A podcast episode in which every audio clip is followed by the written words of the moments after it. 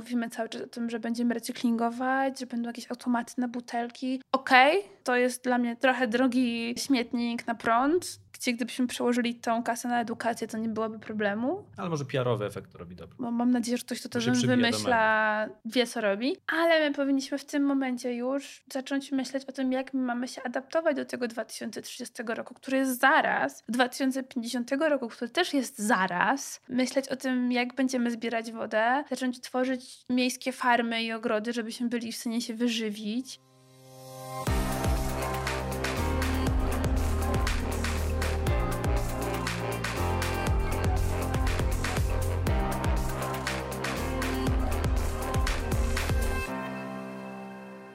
Krzysiek Grzyman, dzień dobry. W kolejnym odcinku Zielonego Podcastu chciałem zacząć tak optymistycznie i z uśmiechem, ale zamieniliśmy już z Aretą parę słów i już wiemy, że nie będzie tyle uśmiechu.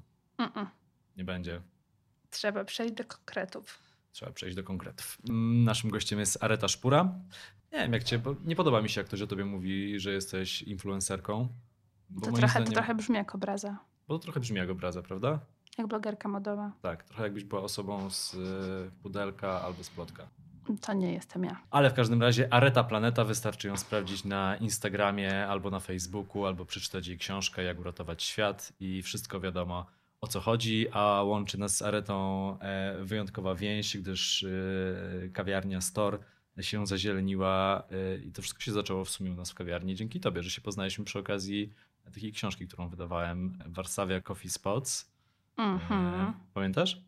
I Pamiętam. tam byłaś, y, polecałaś tam jakieś miejsca wegańskie akurat y, u nas w tej publikacji. Potem się spotkaliśmy, potem się okazało, że jest dużo potem cały czas tematów. siedziałam w storze. Potem cały czas siedziałaś w storze, potem e, wróciłaś z jakichś targów i powiedziałaś, co jak się nie myśleliście o kompostowniku? E, a potem była akcja Noiza ze słomkami e, i to już się tak dalej potoczyło. Dzięki. I to ja dziękuję w imieniu planety. Jak już ktoś stwierdził, jak już ktoś próbował mi określić, że jestem po prostu panią od PR-u Matki Ziemi. Areta Planeta. Areta Planeta, więc w imieniu Matki Ziemi dziękuję. Bardzo się, bardzo się cieszę, że mogliśmy razem podziałać. No słuchaj, trochę się znamy, y, wiemy jak to wszystko wygląda, wiemy w jaką stronę zmierza świat. Czy my, ja, ty, nasi słuchacze, y, małe firmy, no każdy z nas jest osobna, może coś zrobić? Czy te nasze małe działania mają sens? Czy, jak uważają y, niektórzy, w ogóle nie ma sensu w obliczu tego wielkiego wyzwania, przed jakim stoimy i w obliczu wielkich firm, które czynią jednak wiele złych rzeczy, że te nasze małe działania w zasadzie nie mają większego znaczenia i tak naprawdę my się katujemy, próbując robić jakieś takie małe, drobne rzeczy, usprawnienia, ale w gruncie rzeczy to w ogóle nie jest nasza wina, to wina złych korporacji i na przykład rządów, które nic nie robią. Tak i nie. E, korporacje i rządy składają się również z ludzi. I my wszyscy spełniamy kilka funkcji w swoim życiu i jesteśmy sobą i rodzicami, i rodzeństwem, i przyjaciółmi, i mamy związki, i pracujemy. I w każdej z tej opcji codziennie podejmujemy jakieś decyzje. I te decyzje mają wpływ na otaczający nas świat. Na pewno zmieniło mi się to w głowie i jakby jak najbardziej trzeba zacząć od siebie, bo na to właśnie mamy wpływ. I zakładam, że my tu mamy dwie opcje do wyboru albo siedzimy na kanapie i stwierdzimy, że nasze codzienne wybory nie mają żadnego znaczenia, poczekamy aż wszystko samo się zmieni, no to możemy czekać do śmierci i nic się nie wydarzy. Możemy, będziemy oglądać apokalipsę z kanapy. Dość pesymistyczna wizja naszego życia. Opcja numer dwa. No, bardzo pesymistyczna. Wstaniemy jednak z tej kanapy i zaczniemy działać, zmieniać swoje życie, a potem zarażać tym działaniem ludzi dookoła i mówić o tym i, i zarzucać temat, edukować. Bo większość naszych złych działań wynika po prostu z niewiedzy, bo skąd mamy to wiedzieć? Dopiero no, od roku, półtora mówi się o tych tematach, a wcześniej nie miałam pojęcia, że plastikową słomkę łączy cokolwiek z, z misiem na topiącej się krze polarnej. I wydaje mi się, że też nie możemy w drugą stronę dać mówić korporacjom, że to jest i wyłącznie nasza wina. Nas konsumentów. I że, tak, i że to jest nasza odpowiedzialność. Bo z tym się nie zgadzam, bo jeżeli jakaś firma wypuszcza dany produkt, to ona powinna być odpowiedzialna za opakowanie, za recykling, czy w ogóle za to, co potem się z tym stanie, bo my kupujemy serek, tak, a nie, a nie kawałek plastiku z serkiem. I potem musimy się głowić, do którego opakowania wrzucić to, czy my myć to opakowanie, czy nie myć. I po prostu będzie nam to spędzało sens powiek. No nie. Ale też no te firmy same z siebie się nie zmienią i teraz to, co się dzieje tak naprawdę jest no już przykładem takim, który widzimy na własnych y, oczach, że to działanie konsumentów i to nacisk mają sens, bo kolejne sieci sklepów wprowadzają z powrotem działy na wagę, bo supermarkety reklamują się w telewizji i chwalą tym, że eliminują plastik. No i to też nie zadziało się samo po prostu, że to musi iść z dwóch stron i my musimy przestać się w ogóle ze wszystkim bawić w psychologię, tylko zacząć współpracować. I to jest, wydaje mi się, klucz do sukcesu i uratowania nawet nie planety, no bo uratowania po prostu ludzkiego gatunku, tak? No bo planeta da sobie radę, tylko po prostu będą tutaj warunki nie nadające się dla nas do życia. I wiem, że się dużo o tym mówi, ale wydaje mi się, że cały czas jest to za delikatne, bo mówimy to o jakichś dwóch stopniach, czterech stopniach. No co to nam, no to nam nic nie mówi, dopóki nie zajrzymy do jakichś raportów czy specjalistycznych tekstów, no a raczej nie każdy ma ochotę zmęczony po pracy wchodzić jeszcze się tym dobijać. Poza tym to się wydaje wszystko tak abstrakcyjne, że jednak gdzieś to odsuwamy na bok. Myślimy Dokładnie. sobie, no będzie to będzie. No tak samo jak samo słowo ekologia, mhm. że już jest tak wyświechtane, że tak naprawdę nie wiadomo o co w nim chodzi, że eko nam się zaczęło bardziej kojarzyć z czymś, co jest drogie, co jest jakimś wymysłem i luksusem dla Warszawki. Ale gdybyśmy zamiast no, już bardziej oddaje to, o co nam chyba chodzi, słowo sustainability, czyli no, zrówno, zrównoważenie, ale też no, po prostu nadające się do życia, że gdybyśmy teraz ekologii mówili o przeżyciu, a o to tak naprawdę chodzi, no to wydźwięk byłby zupełnie inny i chyba łatwiej byłoby nam zmotywować się do działania i pokazać, jak bardzo jest to pilny temat. Bo no, to jest niesamowite, że my wiedzieliśmy od kilkudziesięciu lat, że będzie się działo to, co się dzieje w tym momencie i nie zrobiliśmy nic. I nadal nie robimy za bardzo nic, bo cały czas emisje rosną, tak jak rozmawialiśmy, spożycie mięsa rośnie, e, mimo że w naszej bańce może maleje, ale to, to cały czas biegniemy, czy jesteśmy na rozpędzonym ślepo pociągu, który zaraz uderzy w ścianę. Zgadzam się z Tobą w 100%, że te słowa, jakich używamy do opisywania zjawisk, mają ogromne znaczenie. Radio Tok FM e, zaczęło mówić o katastrofie klimatycznej, a nie o zmianie klimatu. To jest bardzo dobry kierunek, bo jak to słyszysz codziennie, to może w pewnym momencie kliknie ci nagle. Oczywiście osłuchasz się też z tym, więc pewnie potem traktujesz to jako swego rodzaju normalność, ale jednak zawsze to słowo katastrofa będzie tam z tyłu ci ten dzwoneczek uruchamiało, że gdzieś coś bardzo nie tak. E, a, a co do tego, że nasze małe kroki mają znaczenie, to, to ma też znaczenie z takiego chyba prozaicznego powodu, że jednak decydujemy naszymi portfelami. Czy idziesz do miejsca, które o tym myśli, czy nie myśli? Czy kupujesz od firmy, która stara się działać bardziej w zgodzie z naturą, czy mniej? I te firmy to też w prosty sposób czują, bo to się odbija na ich przychodach po prostu. Dokładnie. Ktoś jest zawsze na końcu tego ciągu i zlicza to wszystko i raportuje. I też no, dlatego te firmy robią to. Plus właśnie jeżeli kogoś nie tykają zwierzątka czy, czy, nasze zdrowie, no to może po prostu tkną go pieniądze, bo na martwej planecie żadnego biznesu nie zrobimy. A, a masz wrażenie, że cały czas potrzebujemy swego rodzaju nowych bodźców? Tak, że, że, że, że, wiesz, jeden, że jeden rok jest rokiem słomki, a kolejny rok musi być już rokiem czegoś innego, bo tak już się wszyscy przyzwyczajają, że ten plastik jest w oceanach, że już znowu przestają na to zwracać uwagę. Masz też takie wrażenie? Um trochę mam wrażenie, to właśnie co powiedziałeś z tą katastrofą, że z jednej strony okej, możemy się znieczulić i bałam się tego, ale z drugiej strony osoby, które tak czy jak słuchają radia, czy oglądają telewizję, czy czytają gazety, oni są przyzwyczajeni do negatywnych informacji, bo takie są głównie w mediach. I, i my włączając te wiadomości wieczorem chcemy, nawet nie zdając sobie z tego sprawy, tego, tej adrenaliny, mhm. tego zaskoczenia, tego strachu, i że to jest trochę może po prostu język, którym się posługujemy. Więc zrobienie z tego rzeczywiście dramatu ma tyle sens, że to może w końcu trafi do tych osób, które jeszcze nie są przekonane. Ale jak sobie zobaczysz takie główne dzienniki telewizyjne, sama wiesz, czasem cię y, nagrywają do faktów na przykład, to to się rzadko zdarza. Właśnie, właśnie okazuje się, że, że jest coraz lepiej, że że, no może ja no na pewno nie w wiadomościach. No może nie w wiadomościach, ale no do pytania na śniadanie chodzę dość często. O. I właśnie nawet chodzę tak e, totalnie, że mówię, jak możesz wspierać takie media? Mówię, no kurde, no ale no nie, ty chodzisz w ważnej sprawie. To Dokładnie, jest że, że to jest właśnie, nie chcę, nie chcę, żeby to był temat upolityczniony, czy jakoś inaczej, że to jest znaczy, temat... Katastrofa, katastrofa klimatyczna nie zna barw politycznych. Tak, dokładnie. I że to jest, to jest temat, który mam nadzieję, że nas wszystkich połączy, a nie jeszcze bardziej podzieli. Bo jeżeli chcemy mieć dalej gdzie się kłócić, no to zadbajmy o to razem, że jeżeli stwierdzimy, że dbanie o klimat należy tylko do, do jednej partii, czy do jednego,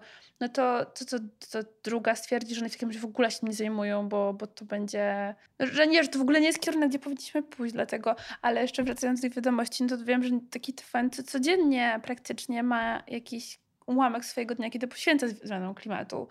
I... No może nie w głównym dzienniku, ale okej. Okay. Że, że rzeczywiście, jak widzę, no nawet po właśnie ilości, ile mnie zapraszają, no to jest tego wręcz codziennie jest jakiś telefon i starają się poruszyć jakiś temat i no to jest super. To ja czekam, aż będzie, wiesz, w każdym, w każdym wydaniu faktów taki kącik poświęcony zmianom tak, klimatu. Tak, znaczy też super byłoby, gdyby te straszne fakty szły w, w parze z takim call to action. Tak, no bo tak. zostawić ludzi po prostu w panice, że ich dom się pali, jest trochę chamskie. No lepiej im powiedzieć, że go ugasimy. I nawet jak było w przypadku Amazonii, które wiadomo, że jest mega skomplikowanym tematem i bardzo, też media go nagłośniły w, tak. w, jakiś taki jeden konkretny sposób i nawet sam fakt, że wszyscy się mówią, że dla Amazonia to są płucy ziemi. No nie są płucami ziemi, bo one zużywają cały tlen, który produkują. I wkurza mnie to, że się powtarza hasła, które wiemy, że nie są prawdziwe, bo to powoduje nawet, ja rozumiem, że to jest dobre, krzykliwe hasło, ale to powoduje w moich oczach stratę wiarygodności nawet takich źródeł czy mediów, które uważałam za, za dobre. Skoro oni sami dają się złapać na ten haczyk i powtarzają coś, co nie jest prawdą. Ale super, że na przykład dzięki temu w takim psionie na śniadanie prowadząca namawia ludzi, żeby nie ograniczyli mięso. Bo jest temat lasów amazońskich, że to cały czas... To jest fajny wniosek gdzieś właśnie, że jest tragedia, mówimy o niej, ale mówimy też, że, że ty też możesz to zrobić, więc te małe kroki no, w tym wymiarze mają znaczenie, bo to powoduje, że może ta depresja klimatyczna tak szybko nas nie złapie i nie obezwładni, tylko będziemy wiedzieli, że my i nasze te małe działania mają wpływ. To nie powinno być tak, że my zrobimy, nie weźmiemy tej słomki koniec. Zrobiliśmy swój procent wkładu na dzisiejszy dzień, no tylko, że to jest dobry początek i też ten próg wejścia jest bardzo mały. No bo też no, po to powstała książka, no bo jak zaczniemy czytać jakieś bardzo ekologiczne książki czy, czy blogi, no to tam ten ilość informacji może nas zasypać i właśnie w drugą stronę obezwładnić. Ale książka się okazała hitem, przyznaj, jak uratować świat. Tak, to jest bardzo pozytywne. Mega pozytywna, jest, jest mega pozytywna. Trochę pozytywności. Mega, mega pozytywna, mega pozytywna informacja. Minimalnie partycypowaliśmy w promowaniu tej książki, bo tutaj, gdzie rozmawiamy, była twoja poradnia e, ekologiczna. No, super to było. Ludzie cały czas niestety myślą, że ona jest, ale Słuchaj, mam nadzieję, mebelków, że... mebelków została. Jak potrzebujesz, to, to ci udostępnimy. Ale wracając jeszcze do tego pytania, czy myślisz, że jest tak, że rzeczywiście potrzebujemy cały czas tych nowych bodźców na zasadzie, że tym roku musimy nagłaśniać ten temat, ale za trzy miesiące już musimy y, myśleć o 2020 i nagłaśniać kolejny temat po to, żeby ludzie z tyłu głowy mieli cały czas jakiś taki powód, żeby o tych małych krokach na co dzień myśleć? Czy to już w, w, nas zostaje, że jak już raz się nauczyliśmy, że ten plastik jest zły, to już z tym plastikiem będziemy zrywać? Myślę, że jesteśmy tak przebodźcowani, że musimy cały czas to powtarzać, że nawet będziemy na swoim Instagramie, ja powtarzam do znudzenia niektóre rzeczy, ale wiem, że no, ludzie nie są w stanie widzieć wszystkiego, albo zobaczymy coś i nasz mózg po prostu wrzuca to z pamięci. Musi być, że to 10 razy, żeby to zapadło nam w głowie. A dwa, coś, czego mi brakuje, to chyba adaptacja. Bo mówimy cały czas o tym, że będzie źle i my już wiemy, że będzie źle, bo to już. Myślę, że to już widzimy. To już widzimy, ale też te wszystkie raporty, które słyszymy, typu IPCC, one są tak czy siak do mediów dostają się w bardzo ograniczonej, podkolorowanej wersji, żeby nie wzbudzić aż takiej paniki. No, ale wystarczy poczytać bardziej właśnie naukowe teksty, żeby zobaczyć, że my już wiemy, które będą miasta podtopione, gdzie zaraz skończy się woda, że zaraz grozi nam głód na masową skalę, migrację. Tak, bo zmiany klimatu mają naprawdę ogromne konsekwencje. Co z tego na zdajemy każdym, na każdym poziomie naszego życia. E, od powietrza i wody po każdy, każdy aspekt naszego codziennego życia. I to mnie właśnie zadziwia, że w ogóle nie ma, że o tym się za bardzo nie mówi. Że mówimy cały czas o tym, że będziemy recyklingować, że będą jakieś automaty na butelki. Okej, to, to, to jest dla mnie trochę drogi śmietnik na prąd, gdzie gdybyśmy przełożyli tą kasę na edukację, to nie byłoby problemu. Ale może PR-owy efekt robi dobry. Ale może to, mam nadzieję, że ktoś, kto to To wymyśla, wie co robi. Ale my powinniśmy w tym momencie już zacząć myśleć o tym, jak my mamy się adaptować do tego 2030 roku, który jest zaraz, do 2050 roku, który też jest zaraz. Myśleć o tym, jak będziemy zbierać wodę, zacząć tworzyć e, miejskie farmy i ogrody, żebyśmy byli w stanie się wyżywić i, tak dalej, i tak dalej. Buduje się cała masa wieżowców. Nowy Jork to będzie zakazał budowania wieżowców szklanych ze względu właśnie na złą izolację ciepła, a u nas jakby w ogóle nie było tematu, że w Nowym Jorku zaka- zakazali styropianu, bo po pierwsze jest nierecyklingowalny, po drugie jest na maksa niezdrowy po prostu i to jest bomba rakotwórcza, którą jemy, zwłaszcza ciepłe jedzenie. I, I tutaj brakuje mi po raz kolejny tej współpracy i jakiejś komunikacji międzykrajowej, międzymiastowej, że te wszystkie rozwiązania, których my potrzebujemy na dzisiejszy dzień, one są już dostępne. I to, to nie jest tak, że to jest jakaś czarna magia. One są dostępne, tylko musimy je rozdystrybuować. Ja bym też bardzo chciał, tak jak mówisz, y, żeby te tematy, nazwijmy to zielone, połączyły y, wszystkich po dwóch stronach, naz- nazwijmy to umownie, sceny politycznej. Ale prawda jest też taka, że są prawicowe tygodniki, które na swojej okładce kontestują to, czy w ogóle mamy do czynienia ze zmianami klimatu i czy to człowiek ma na nie wpływ, czy nie ma na to wpływu. Wiesz, trudno rozmawiać z drugą stroną, która nie jest w ogóle przekonana co do tego, że to w zasadzie, czy to naprawdę my zużywamy więcej paliw i więcej imitujemy i dlatego zmienia się klimat? Czy może po prostu teraz jest taka faza klimatyczna, że jest cieplej, jest cieplej i żyjemy business as usual, bo i tak nie mamy na to wpływu. Wiesz, tu jest ten Co- problem, tu tak, jest ta ale bariera. ja w ogóle nie traciła czasu na takie osoby. Ja po prostu wysłałabym w ich kierunku dużo miłości, bo oni ewidentnie no, nie, nie widzą, co się dzieje, albo są tak zaślepieni, czy otępieni, nie wiem. Ale jeżeli zaraz nie będzie ich rodziny stać na jedzenie, czy nie będą mieli dostępu do bieżącej wody, no to zrozumieją, jakkolwiek to, to, to, będą chcieli nazwać, że to jest kryzys. To jest zagrożenie po prostu na naszego ludzkiego życia na tej planecie. Ale ty masz pewnie z ponad 70 tysięcy followersów y, obserwujących na Instagramie. Nie wiem, bo nie oglądałem dawno. Nie wiem, ale to zupełnie nie jest ważne. No nie, ale bo chcę nawiązać do takich rzeczy, y, że odbywasz bardzo dużo spotkań, pewnie dużo ludzi do ciebie piszą dużo wiadomości, y, pracujesz też z różnymi firmami. Z kim ci się najlepiej rozmawia e, o zmianach klimatu? Z młodszymi, ze starszymi? Bo mam takie wrażenie, obserwując ostatnie, ostatni szczególnie rok, y, że to jednak ci najmłodsi mają największą świadomość i to częściej oni edukują rodziców, że coś takiego się dzieje, Mhm. E, A że starsze osoby, nie wiem, czy są w pewien sposób impregnowane na to, ale może nie poświęcają temu tak dużo uwagi. Dla młodszych osób jest to oczywiste, bo one po prostu rodzą się no, zupełnie, mają inną, inny start. Ale nie zgadzam się z tobą, że to jest oczywiste, bo te osoby mogłyby sobie siedzieć i grać na playaku cały czas i w ogóle się tym nie zajmować. Nie, ale chodzi mi o taką świadomość, że no, na przykład one się urodziły w czasach, kiedy już jest recykling, kiedy jest segregacja śmieci, kiedy no, nie ma walki o przetrwanie. I tak, No jest myślę, dobrobyt ogólny. tak, i to też, no, patrząc jak się w różnych miejscach to dzieje, że to jest jakaś potrzeba, tak, że jeżeli już masz zaspokojone podstawowe potrzeby, to jest w stanie myśleć o czymś więcej. Dlatego to jest dla mnie obowiązek każdej osoby, która ma to, co potrzebuje, a raczej większość osób w naszym kraju, patrząc na świat, ma naprawdę więcej niż przeciętna osoba na świecie, to to ja im strasznie, dzieciakom, ja im strasznie współczuję, bo oni nie są w stanie mieć normalnego dzieciństwa, normalnego dorastania. Oni od razu, to jest dla mnie bzdura, że oczekuje się od nich, że to oni uratują świat. Oni nie zrobili jeszcze nic złego. Oni się wkurzają, oni idą do szkoły, protestują, bo to jest tak naprawdę no jedyne, co oni mogą zrobić, nawet nie mogą jeszcze głosować, ale to jest nasz obowiązek, żeby nie dopuścić do tego, żeby oni nie mieli przyszłości i normalnego życia takie, jak nam było dane. Za nic. To raz. A dwa, najfajniej chyba, jak sobie myślę o jakichś ostatnich spotkaniach, strasznie lubię spotykać się z firmami, bo... No to kontrowersyjne. Tak, ale bo tak jak no, polityka to jest oddzielny temat, na który Myślę, że jeszcze się muszę psychicznie przy, przygotować. Tak, firmy, jakby ja z firmami pracowałam zanim jeszcze myślałam w ogóle o ekologii, że tak powiem od małego, więc to jest mój świat, mój język.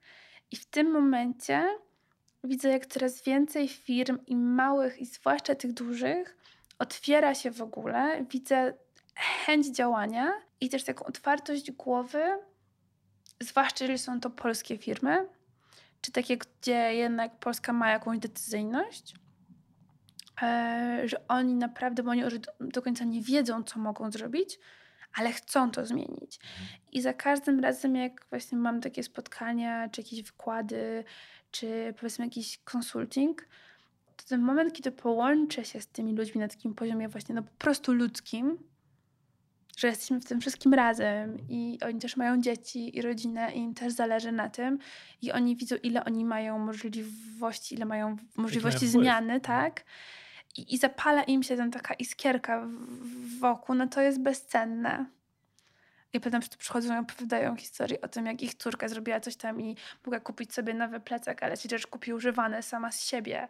I, I że właśnie tutaj nie wrzucają, a tutaj to robią. To jest dla mnie... Czyli zmieniasz nie tylko tak naprawdę ich firmę, ale też często pewnie same osoby mają Bo to, większą... bo to musi wyjść. I to jest dla mnie podstawa pracując z kimkolwiek, że jeżeli ci ludzie nie będą jeżeli ta firma najpierw w ogóle nie pokaże pracownikom o co chodzi wewnątrz i ci pracownicy nie zrozumieją tego, nie wprowadzą to w swoich domach, no to to będzie wszystko bardzo krótko trwałe. No, podpisuję się w 100%. Też by się nie dało zrobić zmiany w kawiarni, gdyby nie. Tylko, że akurat ja mam młodą ekipę, więc u nas to było dość naturalne. No tak, no ale to bo jest potrzebne. I to jest super, bo, bo ja naprawdę sobie myślę, mimo tego wszystkiego złego, to, to mam tą swoją utopię w głowie, która mnie trzyma przy, przy życiu i przy działaniu. Ja motywuję, żeby nie rano wstać z tego łóżka, jak sobie pomyślę, ile jeszcze się zmieniło w ciągu ostatniego roku, że, że my naprawdę no, jesteśmy tym pierwszym pokoleniem, które jest świadome i ostatnim, które może to zmienić i że my serio możemy uratować ten świat. I że, że jest ta iskierka, to przebudzenie i ona czasami się gubi, wchodzi w jakiś labirynt systemu, ale skala, na którą to się dzieje, jest to dla mnie taką, takimi kolejnymi latami 70. Tylko jeżeli my teraz spojrzymy nawet na, na historię, nauczymy się trochę na tych błędach, albo zainspirujemy się tymi dobrymi przykładami, łącząc to z technologią, którą mamy, gdzie moje pokolenie i młodsze mam wrażenie, że kompletnie po prostu no nawet nie doceniamy tego, co mamy, bo nie zdajemy sobie sprawy, jak jeszcze chwilę temu nie było takich rzeczy i wykorzystamy potencjał tego, no to jesteśmy w domu. No, to zielone technologie zgadzam się całkowicie, że to jest oprócz zmiany społecznej, to to jest drugi konieczny element, żeby coś się zadziało. A powiedz mi, jak zgłaszają się do ciebie firmy, bo to jest dla mnie ciekawe. A jak to odróżniasz taką firmę, która naprawdę chce coś zrobić i zmienić od takiej firmy, która chciałaby cię na przykład wykorzystać do takiego greenwashingu, czyli pokazania się na zewnątrz, słuchajcie, może tutaj te buteleczki plastikowe, ale jednak Areta jest z nami i zasadziliśmy mm. 10 tysięcy drzew. Tak, no takich sytuacji jest, yy, jest trochę. No to są po prostu długie godziny rozmów i tego, że ja naprawdę zanim pod czymkolwiek się podpiszę, no to chcę poznać jak najwięcej ludzi, pobyć z nimi i naprawdę poczuć to. Ale nie miałaś wtopy żadnej na koncie? Także coś zrobiłaś i później na koniec dnia miałaś jednak kacyka moralnego. Co, miałam, to na, zwłaszcza na początku miałam takie e, sytuacje, gdzie na przykład szłam na spotkanie z firmą, totalnie dałam się przekonać, uwierzyłam im, e, a potem się okazywało, że no jednak powinnam zrobić sama też research oddzielny, bo prawda jednak leży trochę... Bardzo ciężko znaleźć prawdę w dzisiejszych czasach. Znaczy może, może łatwiej niż kiedyś, bo jest dostęp do większej ilości źródeł, no ale jakikolwiek masz argument, to znajdziesz fakty na poparcie tej myśli. Trochę niestety tak jest. I tutaj bardzo łatwo można się zgubić. I ja sama bardzo często muszę się sprowadzać do pionu i zrobić za chwilę przerwy i pomyśleć, kurde, czy to naprawdę ma sens, czy to naprawdę... I też no, no non-stop bardzo dużo czytam, oglądam, rozmawiam i się rozwijam, bo każdego dnia coś nowego odkrywamy i coś nowego okazuje się, że to, co myśleliśmy do wczoraj, co jest ok, dzisiaj już nie jest ok. Bo po prostu weszła jakaś nowa technologia czy nowe badania. To prawda, stan wiedzy się zmienia bardzo, bardzo szybko. Więc nie ma jednej reguły, ale też no, po prostu nauczyłam się i to nam wszystkim, wydaje mi się, jest potrzebne, po prostu kwestionowania wszystkiego. Co mamy podane na talerzu, no bo ktoś nam to podał w takiej formie raczej po coś. I każdy ma w tym jakiś, może nie taki bezpośredni, ale interes. I musimy, czytając jakikolwiek artykuł, zastanowić się, skąd się to wzięło, dlaczego, ile może być w tym prawdy. I jak po prostu wytworzymy w sobie ten nawyk, to myślę, że też media będą czuły na sobie ten oddech. I jeżeli to jeszcze połączyć z taką potrzebą coraz większą po prostu prawdy, to też jest to światełko w tunelu, że jest coraz większy rozwój niezależnych mediów, gdzie ludzie po prostu to fundują i wtedy mamy większą gwarancję na jakieś sprawdzone, niezależne wiadomości. Arta, to powiedz mi jeszcze, co ty robisz, żeby nie zwariować z tym wszystkim? Bo jak dużo sobie tego, a wiem, że dużo oglądasz, bo dużo wrzucasz co chwilę linków i do filmów, i do artykułów, pokazujesz na Instagramie, jakie książki aktualnie czytasz. Co zrobisz, co, co robisz, żeby nie zwariować? Bo jednak, wiesz, jesteś jednak jednostką, okej, okay, jesteś tym, tą influencerką, czyli masz wpływ na więcej ludzi. To nie jest tak, że. Ale każdy z nas jest influencerem. Tak, to prawda. To prawda. I to jest akurat wielka zaleta moim zdaniem social mediów, których, których nie doceniamy, że zamiast tylko tego e, pokazywania, co zjedliśmy na obiad albo gdzie byliśmy na wakacjach, możemy też pokazywać bardzo fajne przykłady naszych zachowań, czy polecać bardzo fajne książki. To się zgadzam. Ale jednak ty masz bardzo duży wpływ e, na, pewnie szczególnie na młodsze e, pokolenie. No ale wchodząc w to bardzo głęboko, możesz, no jest to pojęcie, tak, depresji mm. związanej ze zmianami klimatu. Jak, jak ty to robisz, żeby nie zwariować? Hmm. Od nadmiaru złych informacji. Cały czas się tego uczę, ale wydaje mi się, że jest coraz lepiej. Staram się wydzielać czas pracy, w sensie staram się, żeby każdego dnia, no mam taką pracę, że nie mam limitowanych godzin i nie mam jakoś takiego właśnie rozdzielania, że to jest mój czas prywatny, a to jest pracowy. No ale staram się, żeby, żeby nie czuć się źle, jak obejrzę sobie coś, czy przeczytam coś, co nie jest na temat zmian klimatu, tylko jest zupełnie z innej beczki, bo też to tak naprawdę się opłaca, bo dzięki temu mamy szersze pole widzenia i to po prostu rozwija naszą głowę. E, ale staram się, chyba jestem teraz na takim etapie, po prostu też dbania o samą siebie, tak jak w samolocie, że najpierw zakładasz maskę jednak sobie, a potem dziecku czy drugiej osobie. Nawet ostatnio jakoś trafiłam do takiego centrum medycyny chińskiej z ciekawości, bardziej czy z jakiegoś konkretnego problemu. I tam trafiłam do pani, która nazywa się psychodietetyczką. W ogóle nie wiedziałam, że takie rzeczy istnieją. Ciekawa, I to było? No właśnie, ja się czułam, jakby przez dwie godziny siedziała twarzą w twarz z moim organizmem i z nim rozmawiała.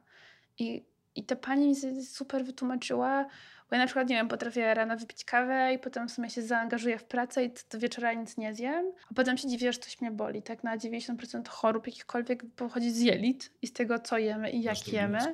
Tak. I jak ona mi zaczęła tłumaczyć, że właśnie, że ja chcę ratować planetę, to ja muszę pamiętać o tym, żeby jeść, żeby jeść naprawdę dobre, odżywcze rzeczy, że jak przestanę, nie wiem, jeść tylko i wyłącznie gluten i cukier, to ja nagle, nagle będę zupełnie inaczej, klarowniej myśleć po prostu. I, I to było dla mnie coś totalnie niby oczywistego, jak to mówię, ale odkrywczego w tym sensie, że, że okej, okay, no, że jednak no, nie uratuję tego świata, jak o siebie nie zadbam i, i to jest chyba jakiś taki też klucz do, do, do równowagi, żeby mieć czas na to, żeby sobie poleżeć, popatrzeć na niebo, posłuchać książki posłać książki. No w sumie też można słuchać książki. No, e, no, czy właśnie spotkać się z kimś i porozmawiać o innych tematach i po prostu mieć swoje życie i, i też coś, co totalnie jest dla mnie terapią, to jest po prostu przebywanie w naturze i przypominanie, to jest dostrzeganie takich pięknych rzeczy, małych rzeczy i przypominanie sobie, po co my w ogóle chcemy to wszystko uratować,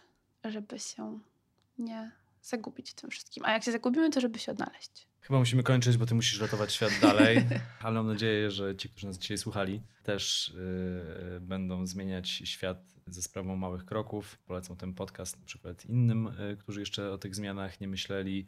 Zajrzą do księgarni. Ta książka jest fajna, bo jest dużo, dużo, dużo praktycznych rzeczy, jest dużo, dużo linków na koniec, więc jak ktoś chce później zgłębiać swoją wiedzę, to jest super. Nie będę ci tutaj e, prosił, żebyś podawała linki, bo ciężko w podcaście cytować http dwukropek slash slash backslash backslash, ale jak ktoś sobie zajrzy do książki, to wszystko znajdzie. Areta Szpura była moim gościem, ale było miło z tobą porozmawiać. Dziękuję. Ja również dziękuję. Krzysiek Grzyman, to był Zielony Podcast.